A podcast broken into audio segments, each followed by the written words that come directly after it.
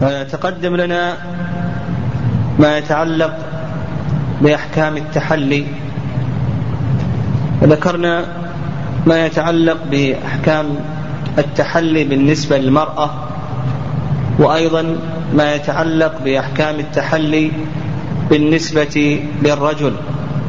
وذكرنا أيضا حكم تحلي الرجل بالفضة وحكم تحلي الرجل بالذهب. إلى آخره. ثم بعد ذلك تعرضنا لزكاة الدين وأحكامها وأن الدين ينقسم إلى قسمين إما أن يكون على مليء باذل وإما أن يكون على معسر أو على مليء مماطل. وكذلك أيضا تطرقنا لما يتعلق بزكاة المال الضائع أو المغصوب أو المنتهب أو المقتلس ونحو ذلك من هذه الأشياء. ثم قال المؤلف رحمه الله باب زكاة العروض. العروض جمع عرض وهو ما أعد للبيع والشراء من أجل الربح. وزكاة العروض هي المال الرابع والأخير من الأموال الزكوية التي تجب فيها الزكاة. تقدم لنا زكاة سائمة بهيمة الأنعام زكاة الخارج من الأرض وزكاة النقدين ثم بعد ذلك زكاة العروض. والعروض عروض التجارة تجب فيها الزكاة باتفاق الأئمة. يعني الأئمة الأربعة كلهم يتفقون على إيجاب الزكاة في عروض التجارة. وإنما خالف في ذلك الظاهرية فلا يرون إيجاب الزكاة في عروض التجارة. والراجح بلا شك هو ما ذهب إليه الأئمة رحمهم الله. الأئمة الأربعة متفقون على إيجاب الزكاة في عروض التجارة. والأدلة على هذا كثيرة. فمن ذلك قول الله عز وجل والذين في أموالهم حق معلوم للسائل والمحروم. فقال والذين في أموالهم حق معلوم. وهذا يشمل عروض التجارة لأن هذه العروض لم يقتنها المسلم لخاصته وإنما قصد بها قيمتها فهي مال يقصد بها قيمة هذه العروض لا يقصد بها ذات هذه العروض فهو لم يشترها من أجل ذاتها وإنما اشتراها من أجل الربح فيها. فهي معتبرة بقيمتها وقيمتها تجب فيها الزكاة. ومن الأدلة على ذلك حديث أبي هريرة أن النبي صلى الله عليه وسلم قال ليس على المسلم في عبده ولا فرسه صدقة. فقال في عبده ولا فرسه صدقة إلا صدقة الفطر. هذا أخرجه مسلم. دل ذلك على أن ما يختص به الإنسان لنفسه أنه لا زكاة فيه. ويفهم من أن ما لا يختص به الإنسان كعروض التجارة أن فيه الزكاة. وأيضا من الأدلة على ذلك حديث عمر رضي الله تعالى عنه أن النبي صلى الله عليه وسلم قال إنما الأعمال بالنيات وإنما لكل امرئ ما نوى. وهذه الأموال التي اشتراها لم يقصدها لذاتها وإنما قصد قيمتها والربح من وراء هذه العروض. وكذلك أيضا هو الوارد عن الصحابة رضي الله تعالى عنهم مثل عمر بن الخطاب رضي الله تعالى عنه وعمر له سنة متبعة بن عباس وابن عمر رضي الله تعالى عنهم وأيضا ورد في ذلك حديث وإن كان ضعيف أي السمرة قال أمرنا رسول الله صلى الله عليه وسلم أن نخرج الزكاة مما نعده للتجارة. وهذا الحديث أخرجه أبو داود لكن في إسناده ضعف لا يثبت. والرأي الثاني كما أشرنا هو قول الظاهرية وقالوا بأن الزكاة لا تجب في عروض التجارة لأن الأصل هو براءة الذمة ولم يرد الدليل وهذا فيه نظر فإن الصواب في هذه المسألة أن الدليل ورد كما أسلفنا في أدلة الجمهور. قال ولا زكاة فيها حتى ينوي بها التجارة وهي نصاب حول. والمؤلف رحمه الله لا زكاة فيها حتى ينوي التجارة. لحديث عمر رضي الله تعالى عنه النبي صلى الله عليه وسلم قال إنما الأعمال بالنيات وإنما لكل امرئ ما نوى. فإذا نوى بها القنية وأن الإنسان يختص بها لنفسه يستعملها السيارة اشتراها لم ينوي بها التجارة البيع والشراء وإنما اشترى لكي يركبها والبيت اشتراه لكي يسكنه إلى آخره. فهذه الأشياء لا زكاة فيها لما تقدم ذكرنا من قول النبي عليه الصلاة والسلام ليس على المسلم في عبده ولا فرسه صدقة. قال وهي نصاب حول ثم يقومها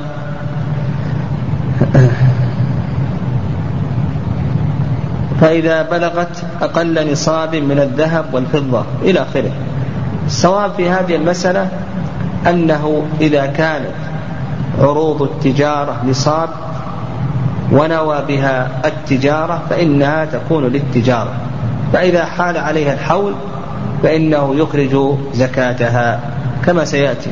قال فإذا ثم يقومها فإذا بلغت أقل نصاب من الذهب والفضة أخرج الزكاة من قيمتها. نصاب عروض التجارة معتبر بأحد النقدين. معتبر بأحد النقدين. فينظر إلى الأقل من نصاب الذهب أو نصاب الفضة.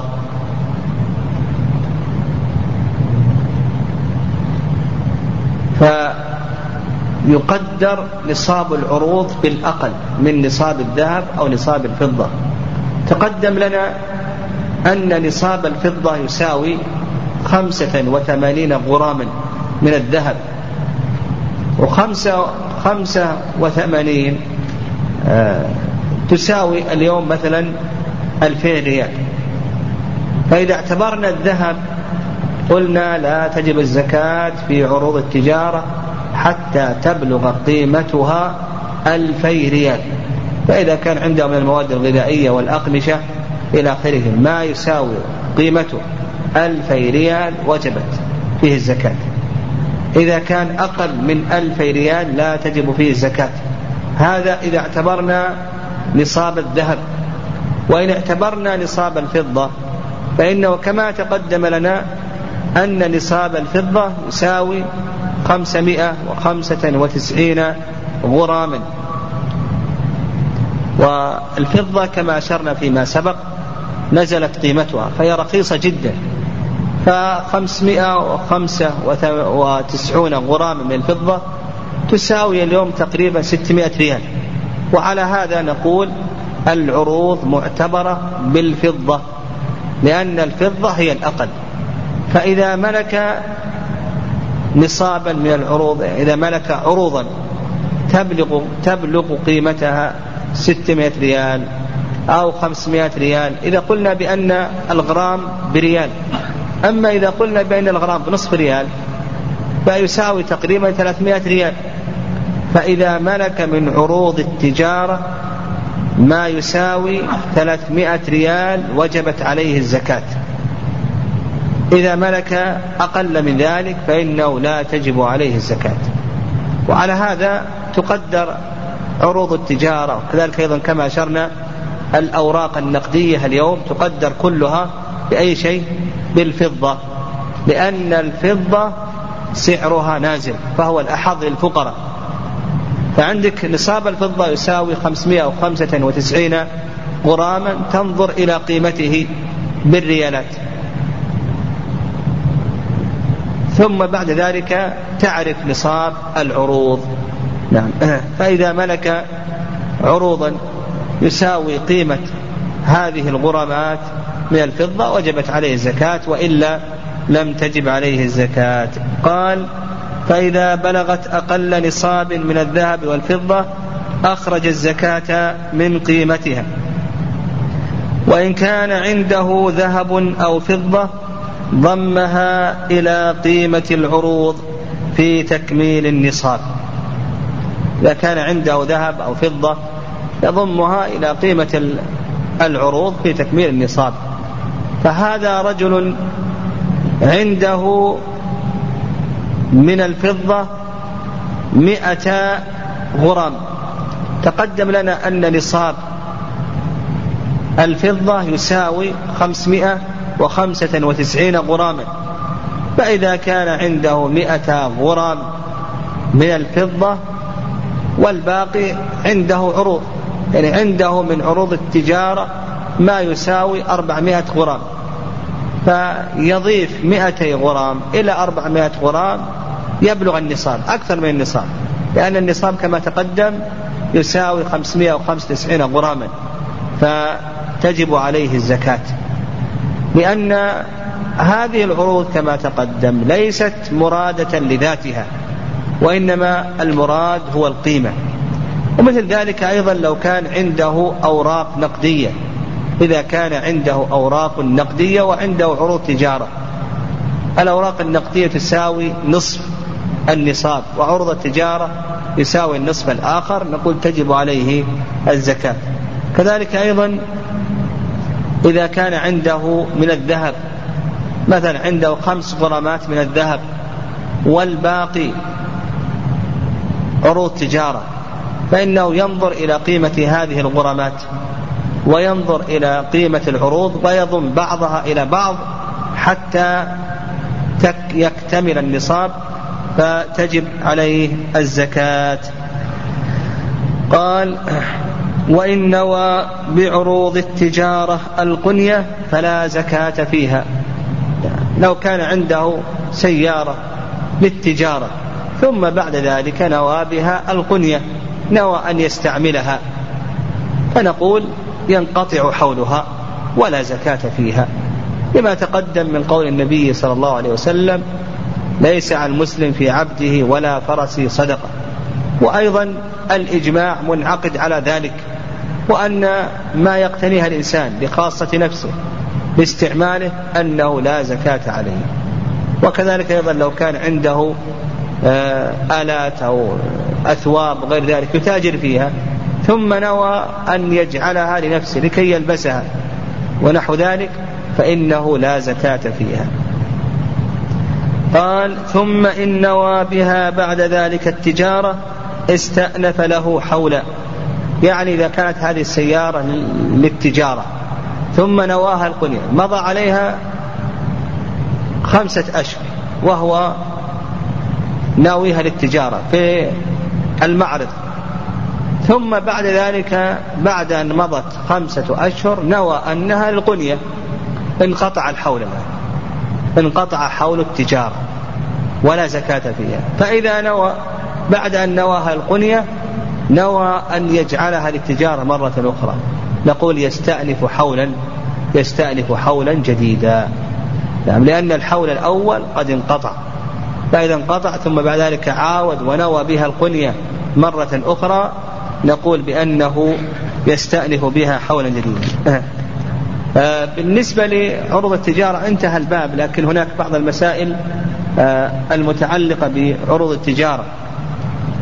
من هذه المسائل آه، كيف تقدر عروض التجارة؟ يعني صاحب المحل صاحب البقالة أو صاحب المعرض أو الذي يبيع أقمشة أو يبيع آلات أو يبيع سيارات ونحو ذلك كيف يقدر عروض التجارة؟ نقول يقدرها بسعرها الذي تباع به الآن. فإن كان يبيع, يبيع أفرادا قدرها بسعر الأفراد أو إن نقول إن كان يبيع تجزئة يقدرها بسعر التجزئة. وإن كان يبيع جملة يقدرها بسعر الجملة. ولا ينظر إلى السعر الذي اشتريت به. السعر الذي اشتريت به لا ينظر له بل ينظر إلى سعرها إن كان يبيع تجزئة مثل أصحاب البقالات وأصحاب الأقمشة والمعارض ونحو ذلك فإنه يقدر بسعر التجزئة. وإن كان يبيع سملة بالجملة مثل أصحاب المحلات الكبيرة تبيع بالجملة فهذا يقدرها بسعر الجملة. ولا ينظر إلى السعر الذي اشتريت به وإنما ينظر إلى سعرها عند الحول عند وجوب الزكاة. والواجب فيها ربع العشر يعني واحد من أربعين فحاصل ما تأتي به أو ما يأتي به هذا الدكان يقسمه على أربعين والناتج هو الزكاة ربع العشر. أيضا آه، جمهور أهل العلم رحمهم الله لا يفرقون بين التاجر المدير والتاجر المحتكر. يقول لا فرق بين التاجر المدير والتاجر المحتكر.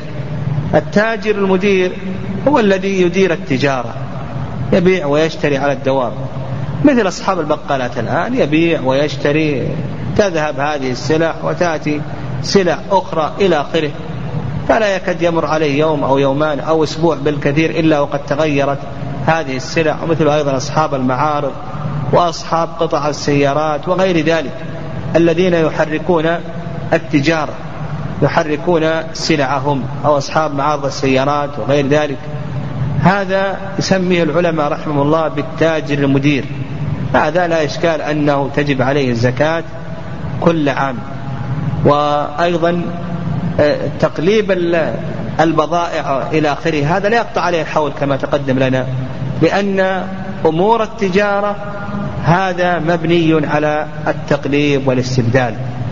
فقد يكون هذه الشهر عنده سلع الشهر الآخر عنده سلع أخرى إلى آخره لا ينظر إلى تغير التجارة. كذلك أيضا كما سبق لنا أن ربح التجارة حوله حول ماذا؟ حوله حول أصله. وربح التجارة هذا حوله حول أصله. آه، فإذا حال عليه الحول ينظر إلى السلع التي عنده سواء كانت من جنس السلع التي ابتدأ الحول أو اختلفت وتغيرت إلى آخره. وبالنسبة للربح فإن حوله كما تقدم حول أصله. هذا التاجر المدير التاجر المحتكر. التاجر المحتكر هو الذي يحبس السلع حتى يرتفع سعرها الذي يحبس السلعة حتى يرتفع سعرها ثم بعد ذلك إذا ارتفع سعرها فإنه يقوم ببيعها. أيضا الجمهور قالوا لا فرق جماهير أهل العلم قالوا لا فرق بين التاجر المدير أو التاجر المحتكر كلهم تجب عليهم الزكاة فإذا كان عنده سلع ما يحركه. مثلا عنده أراضي لا يحركه لكنه قاصد بها ارتفاع السعر. فإذا ارتفع السعر زكى آه باع. إذا ارتفع سعرها باع.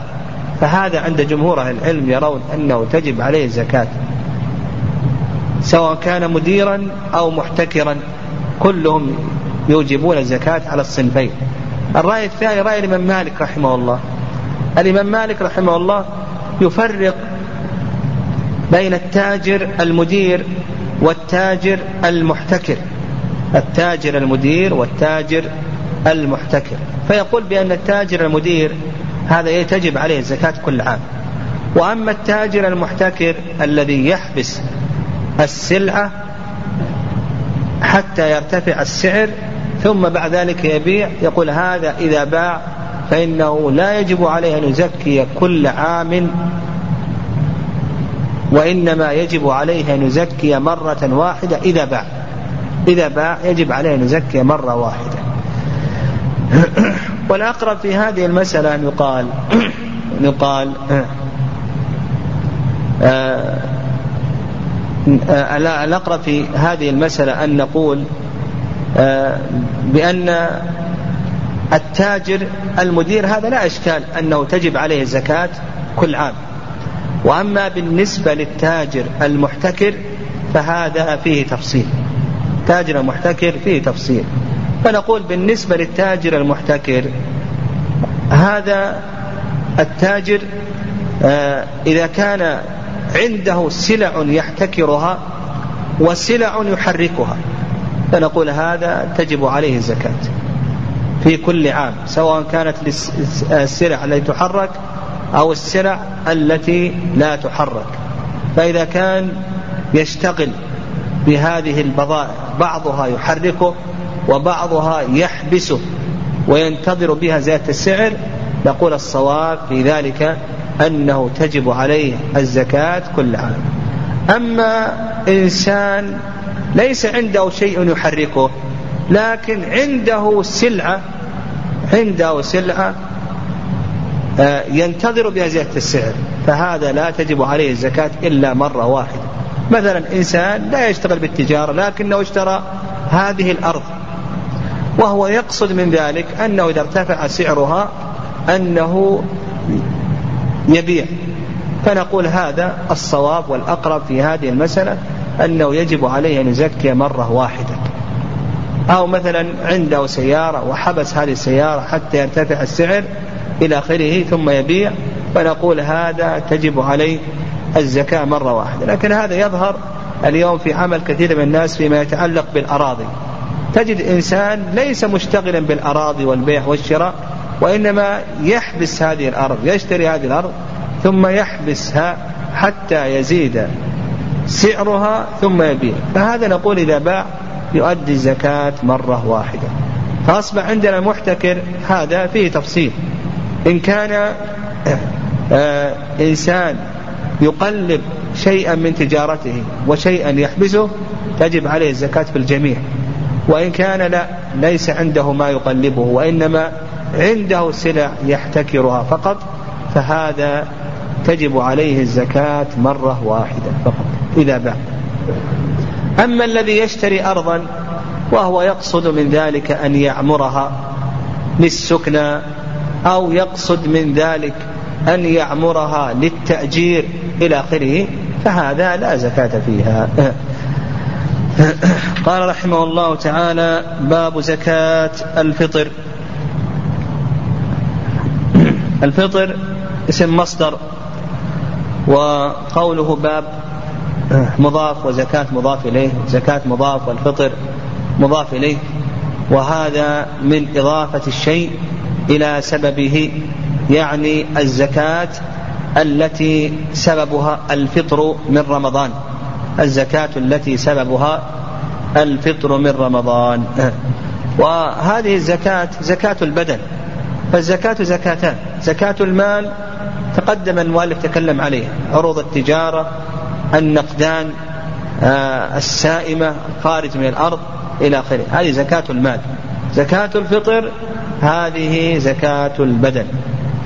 والأصل فيها السنة. بعض العلماء أيضا قال الأصل فيها الكتاب.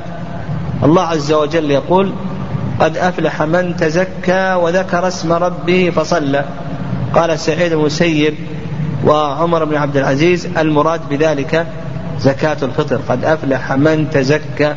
المراد بذلك زكاة الفطر والصلاة المراد بذلك صلاة العيد. هذا من القرآن.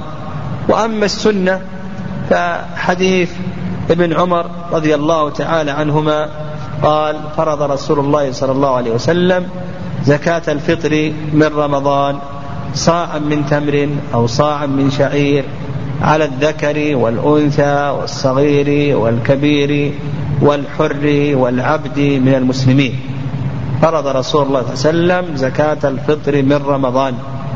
فهذا صريح في أنها فرض. وفرض زكاة الفطر قبل فرض زكاة المال. زكاة الفطر فرضت في السنة الثانية من الهجرة قبل فرض زكاة المال في حيث قيس بن سعد رضي الله تعالى عنه. قال وهي واجبة على كل مسلم. يعني واجبة. هذا يعني باتفاق الأئمة على أنها واجبة. يعني واجب باتفاق الأئمة. وحيث ابن عمر صريح بالوجوب فرض رسول الله صلى الله عليه وسلم زكاة الفطر من رمضان صاعا من تمر أو صاعا من شعير إلى آخره. هذا صريح في الوجوب. قال على كل مسلم من تجب عليه زكاة الفطر أو شروط من تجب عليه زكاة الفطر. الشرط الأول الإسلام. الشرط الأول الإسلام. فالكافر لا تجب عليه زكاة الفطر.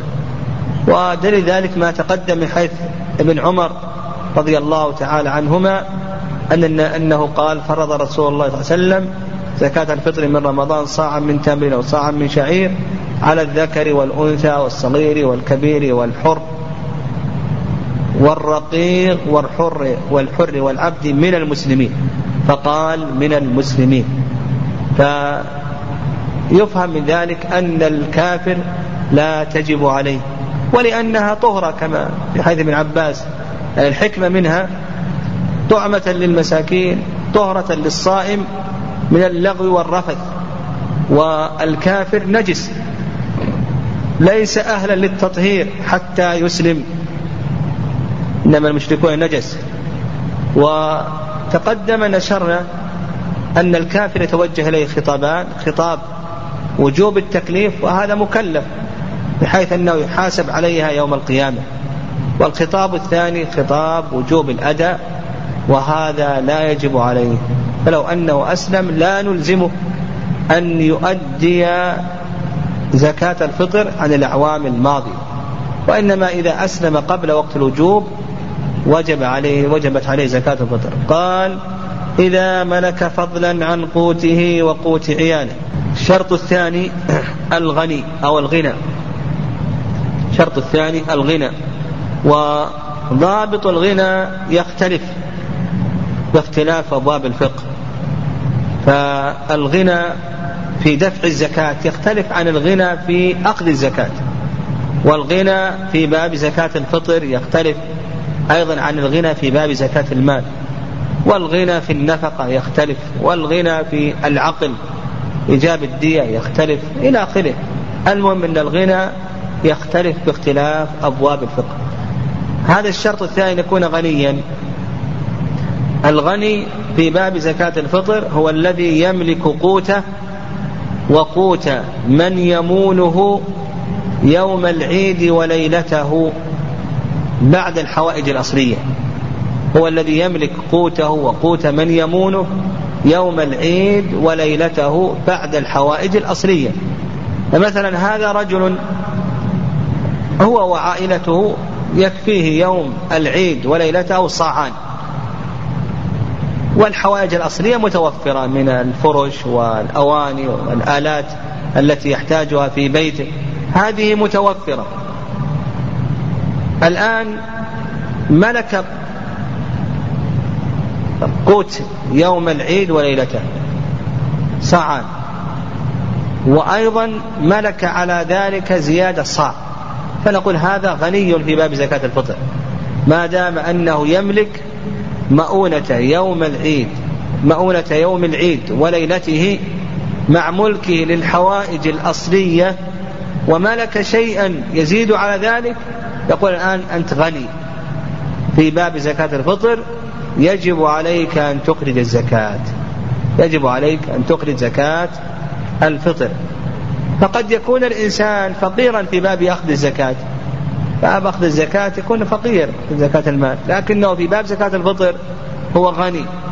يجد قوته وقوت من يمونه يوم العيد وليلته ويجد الحوائج الأصلية من الفرش الغطاء والوطاء والأواني والآلات إلى آخره ويملك زيادة على ذلك طعام أو نقود يشتري بها إلى آخره.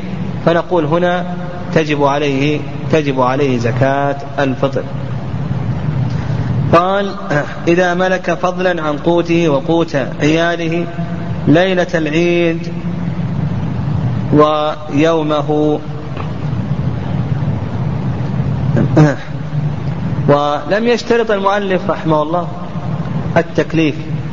يعني لم يشترط المؤلف رحمه الله أن يكون مكلفا فنقول بأن زكاة الفطر واجبة على الصغير والكبير والحر والرقيق والذكر والأنثى. قال وقدر الفطرة صاع من البر أو الشعير أو دقيقهما أو سويقهما أو من التمر والزبيب. في هذه الجملة بين المؤلف رحمه الله قدر الفطرة وأيضا بين جنس المخرج. فقدر الفطرة أو قدر زكاة الفطر صاع. كما في حديث ابن عمر رضي الله تعالى عنهما قال فرض رسول الله صلى الله عليه وسلم زكاة الفطر من رمضان صاعا من تمر أو صاعا من شعير على الصغير على الذكر والأنثى والصغير والكبير والحر والعبد من المسلمين. وكذلك أيضا في حديث أبي سعيد قال كنا نعطيها في زمن النبي صلى الله عليه وسلم صاعا من طعام أو صاعا من شعير أو صاعا من تمر أو صاعا من زبيب أو صاعا من أقط أو صاعا من أقط. وقول المؤلف رحمه الله وقدر الفطرة صاع من البر قوله من البر. هذا ما عليه جمهور أهل العلم أنه لا فرق. بين الشعير وبين البر وغيره من الأصناف. فيجب على الإنسان أن يخرج صاعا. يجب على الإنسان أن يخرج صاعا. سواء كان هذا الصاع من البر أو من الشعير أو من التمر. المهم مما يجزئ إخراجه كما سيأتي إن شاء الله. ولا فرق بين البر وبين غيره. هذا ما عليه جمهور أهل العلم. وعند أبي حنيفة رحمه الله أنه إذا أخرج من البر فإنه يخرج نصف صاع. وهذا اختيار شيخ الإسلام تيمية رحمه الله.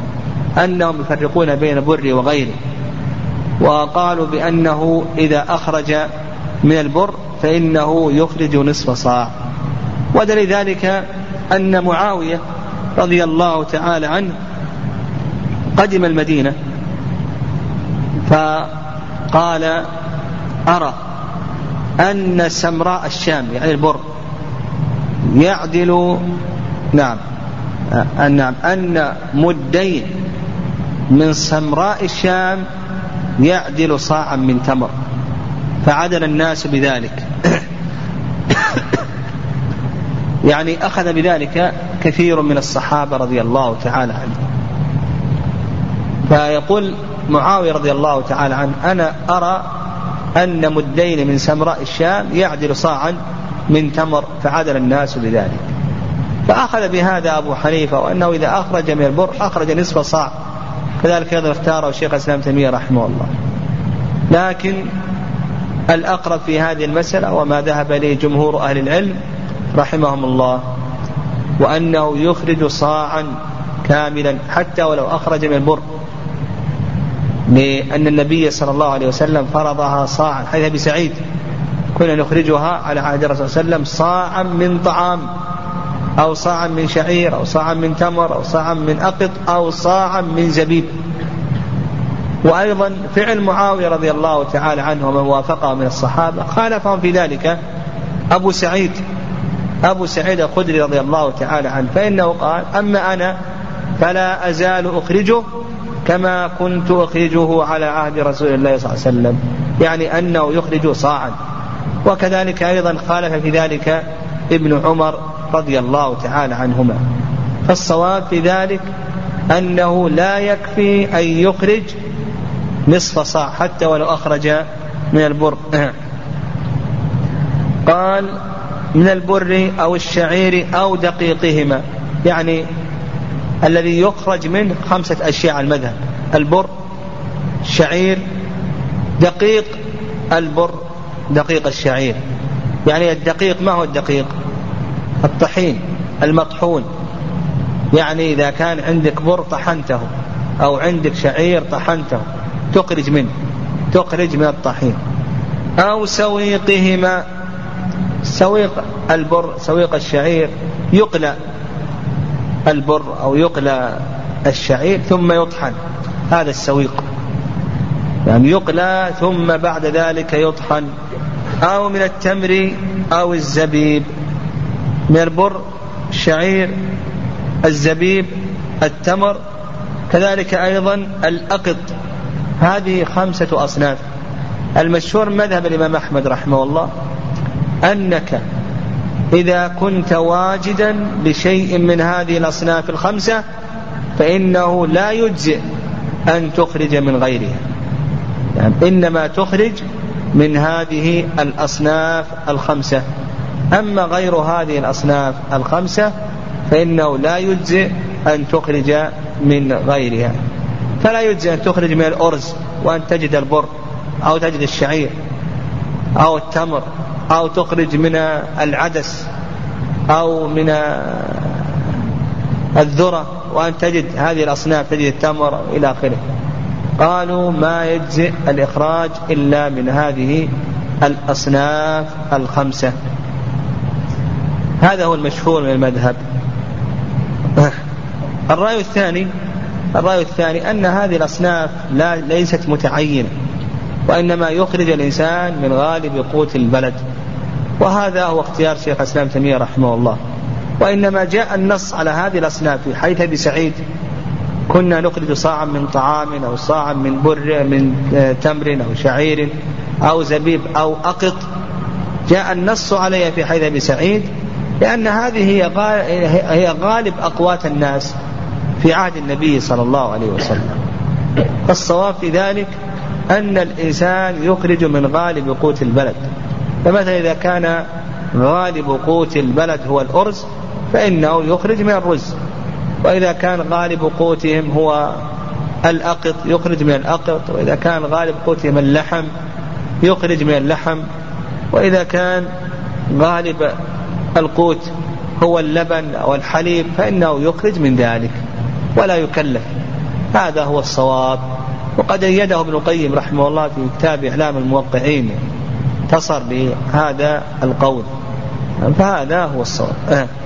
قال فإن لم يجد أخرج من قوته أي شيء كان صاعا قال ومن لزمته فطرة نفسه لزمته فطرة من تلزمه مؤونته ليلة العيد إذا ملك ما يؤدي عنه. يعني يقول المؤلف رحمه الله أن الإنسان يجب عليه أن يخرج عن نفسه ويجب عليه أيضا أن يخرج عمن يمونه عمن ينفق عليه. فأنت مثلا تنفق على أبيك مثلا أبوك معك في بيتك تنفق على أبيك تنفق على أمك تنفق على زوجتك تنفق على أولادك يجب عليك أن تخرج عنهم الفطرة. يجب عليك أن تخرج الفطرة عن أولادك عن زوجتك. عن أبيك عن أمك حتى لو كان عندك إخوان تنفق عليهم فإنه يجب عليك أن تخرج عنهم زكاة الفطر. ويستدلون على هذا بما يروى عن النبي صلى الله عليه وسلم أنه قال أدوا الفطرة عمن تمونون. يعني أدوا الفطرة عمن تمونون. والرأي الثاني أن الإنسان لا يجب عليه ذلك. لا يجب على الإنسان أنه يخرج عن زوجته ولا عن أبيه ولا عن أمه ولا عن أولاده الكبار. يعني لا يجب عليه ذلك. كل يخرج الفطرة من نفسه. لكن آه، آه، آه، ابن المنذر ذكر الاتفاق على أن الأولاد الصغار يخرج عنهم أبوه. ما عدا ذلك الزوجة كما هو رأي الحنفية تخرج عن نفسها. عن نفسها. حتى ولو كنت تنفق عليها. يجب عليك تنفق عليها. والأب يخرج عن نفسه والأم تخرج عن نفسها. يعني يجب على كل أحد بنفسه. والأخ يخرج عن نفسه والأخت تخرج عن نفسها والأولاد الكبار يخرجون عن أنفسهم. وهذا القول هو الأقرب. حديث ابن عمر ظاهر. فرض رسول الله صلى الله عليه وسلم زكاة الفطر صاع من رمضان صاعا من من تمر صاعا من شعير على الصغير والكبير والذكر والأنثى والحر والعبد من المسلمين. فكل مخاطب. لكن لو أن صاحب البيت تبرع بإخراجها عنهم جميعا فإن هذا مجزم لكن الأصل في ذلك أن كل أحد يخرج عن نفسه. قال نعم إذا ملك ما يؤدي عنه. وعلى هذا يعني إذا ملك ما يؤدي عنه لو أنه يملك مؤونته ومؤونة من, من يمونه يوم العيد وليلته وفضل على ذلك صاع فإنه يبدأ بنفسه. أنه أولا لا بد أن يوفر النفقة لكي يكون غنيا في باب الإخراج. في زكاة الفطر. لا بد أن يملك قوته وقوت من يمونه يوم العيد وليلته بعد الحوائج الأصلية فإذا ملك زيادة على ذلك يبدأ بمن؟ بنفسه. لقول النبي عليه الصلاة والسلام ابدأ بنفسك. يخرج عن نفسه صاعا. ملك صاعين. يخرج عن من؟ عن زوجته. ملك ثلاثة. يخرج عن رقيقه. ملك أربعة. يخرج عن أمه. ملك خمسة يخرج عن أبيه. ملك ستة يخرج عن ولده. ملك سبعة يخرج عن الأقرب. فالأقرب هذا على ما مشى عليه المؤلف رحمه الله. لكن إذا قلنا بأن الإنسان لا يجب عليه أن يخرج إلا عن نفسه كذلك أيضا كما ذكر ابن المنذر على أولاد الصغار فإن ما يتعلق بفطرة الزوجة والأب وإلى آخره. هذا كل يخرج عن نفسه. لكن الذي ينفق لو أنه تبرع وأخرجها عنه فإن هذا جائز ولا بأس به. قال فإن كانت مؤونته تلزم جماعة تلزم جماعة كالعبد المشترك أو المعسر قريب لجماعة ففطرته عليهم على حسب مؤونته. الرقيق يجب على سيده أن يخرج عنه زكاة الفطر. يجب على سيده أنه يخرج عنه زكاة الفطر لما حديث أبي هريرة في مسلم ليس عن مسلم في عبده ولا فرسه صدقة إلا صدقة الفطر. لكن إذا كان هذا الرقيق يملكه اثنان أو يملكه ثلاثة فإن فطرته عليهم على حسب ملكه. فإذا كان هذا الرقيق يملكه زيد وعمر مناصفة نقول عمر عليه نصف صاع وزيد عليه نصف صاع. لكن لو كان زيد يملك ثلثا وعمر يملك ثلثين فنقول زيد عليه ثلث الفطرة ثلث صاع وعمر عليه الثلثان ثلثا الفطرة. أو المعسر قريب لجماعة يعني مثلا هذا أخ وعنده أخوان ينفقان عليه. ينفقان عليه. فإن فطرته على أخويه. على أخويه. وهذا مبني على المذهب لكن إذا قلنا كل يجب عليه أن يخرج الفطرة عن نفسه ما وجبت عليه. قال وإن كان بعضه حرا ففطرته عليه وعلى سيده. يعني هذا رقيق. بعضه حر بعضه رقيق. ولنفرض أن نصفه حر ونصفه رقيق. أن نصفه حر ونصفه رقيق. فنقول بأن فطرته في نصف الرق على السيد والحر على على الرقيق نفسه على المبعض على المبعض. فيجب على السيد أن يخرج عنه نصف صاع. ويجب عليه هو أن يخرج عن نفسه نصف صاع. قال ويستحب إخراج الفطرة يوم العيد قبل الصلاة ولا يجوز تأخيرها عن يوم العيد ويجوز تقديمها عليه بيوم أو يومين. شرع المؤلف رحمه الله في بيان وقت زكاة الفطر. وزكاة الفطر يذكر العلماء رحمهم الله لها خمسة أوقات. العلماء يذكرون لزكاة الفطر خمسة أوقات. الأول وقت الوجوب. الأول وقت وجوب الفطرة. متى تجب الفطرة؟ هذا فيه رأيان مشهوران. فالرأي الأول رأي جمهور أهل العلم. قالوا بأن زكاة الفطر تجب. بغروب الشمس من آخر يوم من أيام رمضان. لقول النبي لحديث ابن عمر فرض رسول الله صلى الله عليه وسلم زكاة الفطر من رمضان. فقال من رمضان. والذي يتحقق به الفطر من رمضان هو غروب الشمس من آخر يوم من أيام رمضان. إذ إنه إذا غربت الشمس من آخر يوم من أيام رمضان فقد حصل الفطر من رمضان. خرج رمضان ودخل شوال. الرأي الثاني رأي أبي حنيفة رحمه الله. قال بأن وقت الوجوب يكون بطلوع الفجر. الثاني من يوم العيد من أول يوم من أيام شوال وهو يوم العيد. ويستدل أيضا بنفس الحديث. يستدل أيضا بنفس الحديث.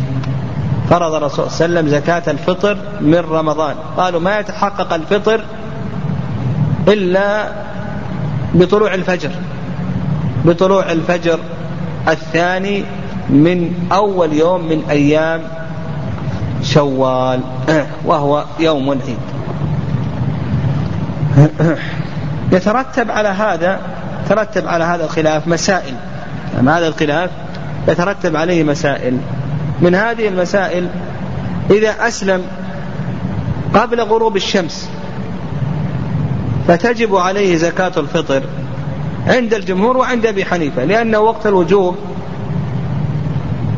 من أهل الوجوب إذا أسلم بعد غروب الشمس ها؟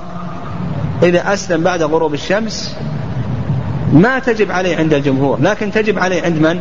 عند أبي حنيفة. عند أبي حنيفة تجب عليه. لأن عند الجمهور هو كافر وقت الوجوب ما تجب عليه. لكن عند أبي حنيفة هو مسلم هو مسلم من أهل الوجوب. طيب المسألة الثالثة إذا ملك رقيقا قبل غروب الشمس زكاة الفطر على المشتري أو على من ملك هذا الرقيق. عند عند القولين. لكن إذا ملك الرقيق بعد غروب الشمس. ها؟ يعني إيش ترى الرقيق بعد غروب الشمس؟ ها؟ نعم؟ نقول زكاة الفطر هنا على رأي الجمهور تكون على على من؟ على البائع. لكن عند أبي حنيفة تكون على من؟ على المشتري. عند أبي حنيفة تكون على المشتري. وعند الجمهور تكون زكاة الفطر على البائع. ومثل ذلك أيضا إذا تزوج زوجة. إذا قلنا بأن الإنسان يجب عليه أن يخرج زكاة الفطر عن زوجته. فإذا تزوج المرأة قبل غروب الشمس يجب عليه أن يخرج عنها زكاة الفطر. على الرأيين لكن لو تزوجها بعد غروب الشمس. ف عند أبي حنيفة يجب عليه أن يخرج عنها لكن عند الجمهور لا يجب عليه أن يخرج عنها. ومن ذلك أيضا إذا ولد له ولد إلى آخره. وعلى هذا فقس. نعم على هذا فقس. آه. هذا هو ال ال الوقت الأول. قال ويستحب إخراج الفطرة يوم العيد قبل الصلاة. هذا الوقت الثاني. وقت الاستحباب الوقت الأول وقت الوجوب. الوقت الثاني وقت الاستحباب. وقت الاستحباب أن تخرج صبح يوم العيد قبل الصلاة. وأدل ذلك حيث ابن عمر في الصحيحين. قال وأمر أن تؤدى قبل خروج الناس إلى صلاة العيد. وأمر أن تؤدى قبل خروج الناس إلى صلاة العيد. فنقول وقت الاستحباب صبح يوم العيد قبل الصلاة. هذا وقت الاستحباب. ولهذا تقدم لنا في صلاة العيد أنه يستحب تأخير صلاة عيد الفطر شيئا لكي يتسع الإخراج لزكاة الفطر. قال ولا يجوز تأخيرها عن يوم العيد. هذا الوقت الثالث الوقت الثالث يقول المؤلف رحمه الله لا يجوز أن تؤخر عن يوم العيد. يعني يحرم تأخيرها عن يوم العيد. يعني ما بعد غروب الشمس هذا محرم. قبل غروب الشمس يوم العيد هذا الوقت الرابع قالوا هذا وقت كراهة. المذهب إخراجها صبح يوم العيد قبل الصلاة هذا سنة. بعد الصلاة في يوم العيد هذا وقت كراهة. بعد غروب الشمس هذا وقت تحريم. بعد غروب الشمس هذا وقت تحريم. فأصبح عندنا وقت الكراهة هو الوقت الرابع من بعد الصلاة إلى غروب الشمس. وقت التحريم الوقت الثالث الذي أشار إليه المؤلف من بعد غروب الشمس إلى ما لا نهاية له. هذا ما ذهب إليه المؤلف رحمه الله. والرأي الثاني أنه يحرم ما في وقت كراهة وإنما وقت تحريم يحرم تأخيرها عن صلاة العيد. وهذا اختيار شيخ الإسلام تيمية رحمه الله. وأنها إذا أخرت عن صلاة العيد فإنه لا يقدر عليها. خلاص إذا أخرها عن صلاة العيد لا يقدر عليها وإنما صدقة من الصدقات. لحيث ابن عباس رضي الله تعالى عنهما قال فرض رسول الله صلى الله عليه وسلم زكاة الفطر من رمضان طهرة للصائم من اللغو والرفث وطعمة للمساكين. فمن أداها قبل الصلاة فهي زكاة مقبولة. ومن أداها بعد الصلاة فهي صدقة من الصدقات. نقول إذا أديت قبل الصلاة فهي زكاة مقبولة. وإما وأما إذا أديت بعد الصلاة فهي صدقة من الصدقات. لا تجزي لا تجزي هذا هو الصواب. فأصبح عندنا أنه يحرم تأخير إخراجها بعد صلاة العيد. نقول بأن هذا محرم ولا يجوز ولا يقدر عليها. يعني لا تقضى. اللهم اللهم إلا إذا كان التأخير لعذر. كما لو نسي الإنسان أن يخرجها أو وكل أحدا يقوم بإخراجها ولم يخرجها أو لم يتمكن من الإخراج لكونه بعيدا عن البلدان ونحو ذلك في صحراء. ففي هذه الحالة نقول لا بأس. نقول في هذه الحالة نقول لا بأس أن يخرجها.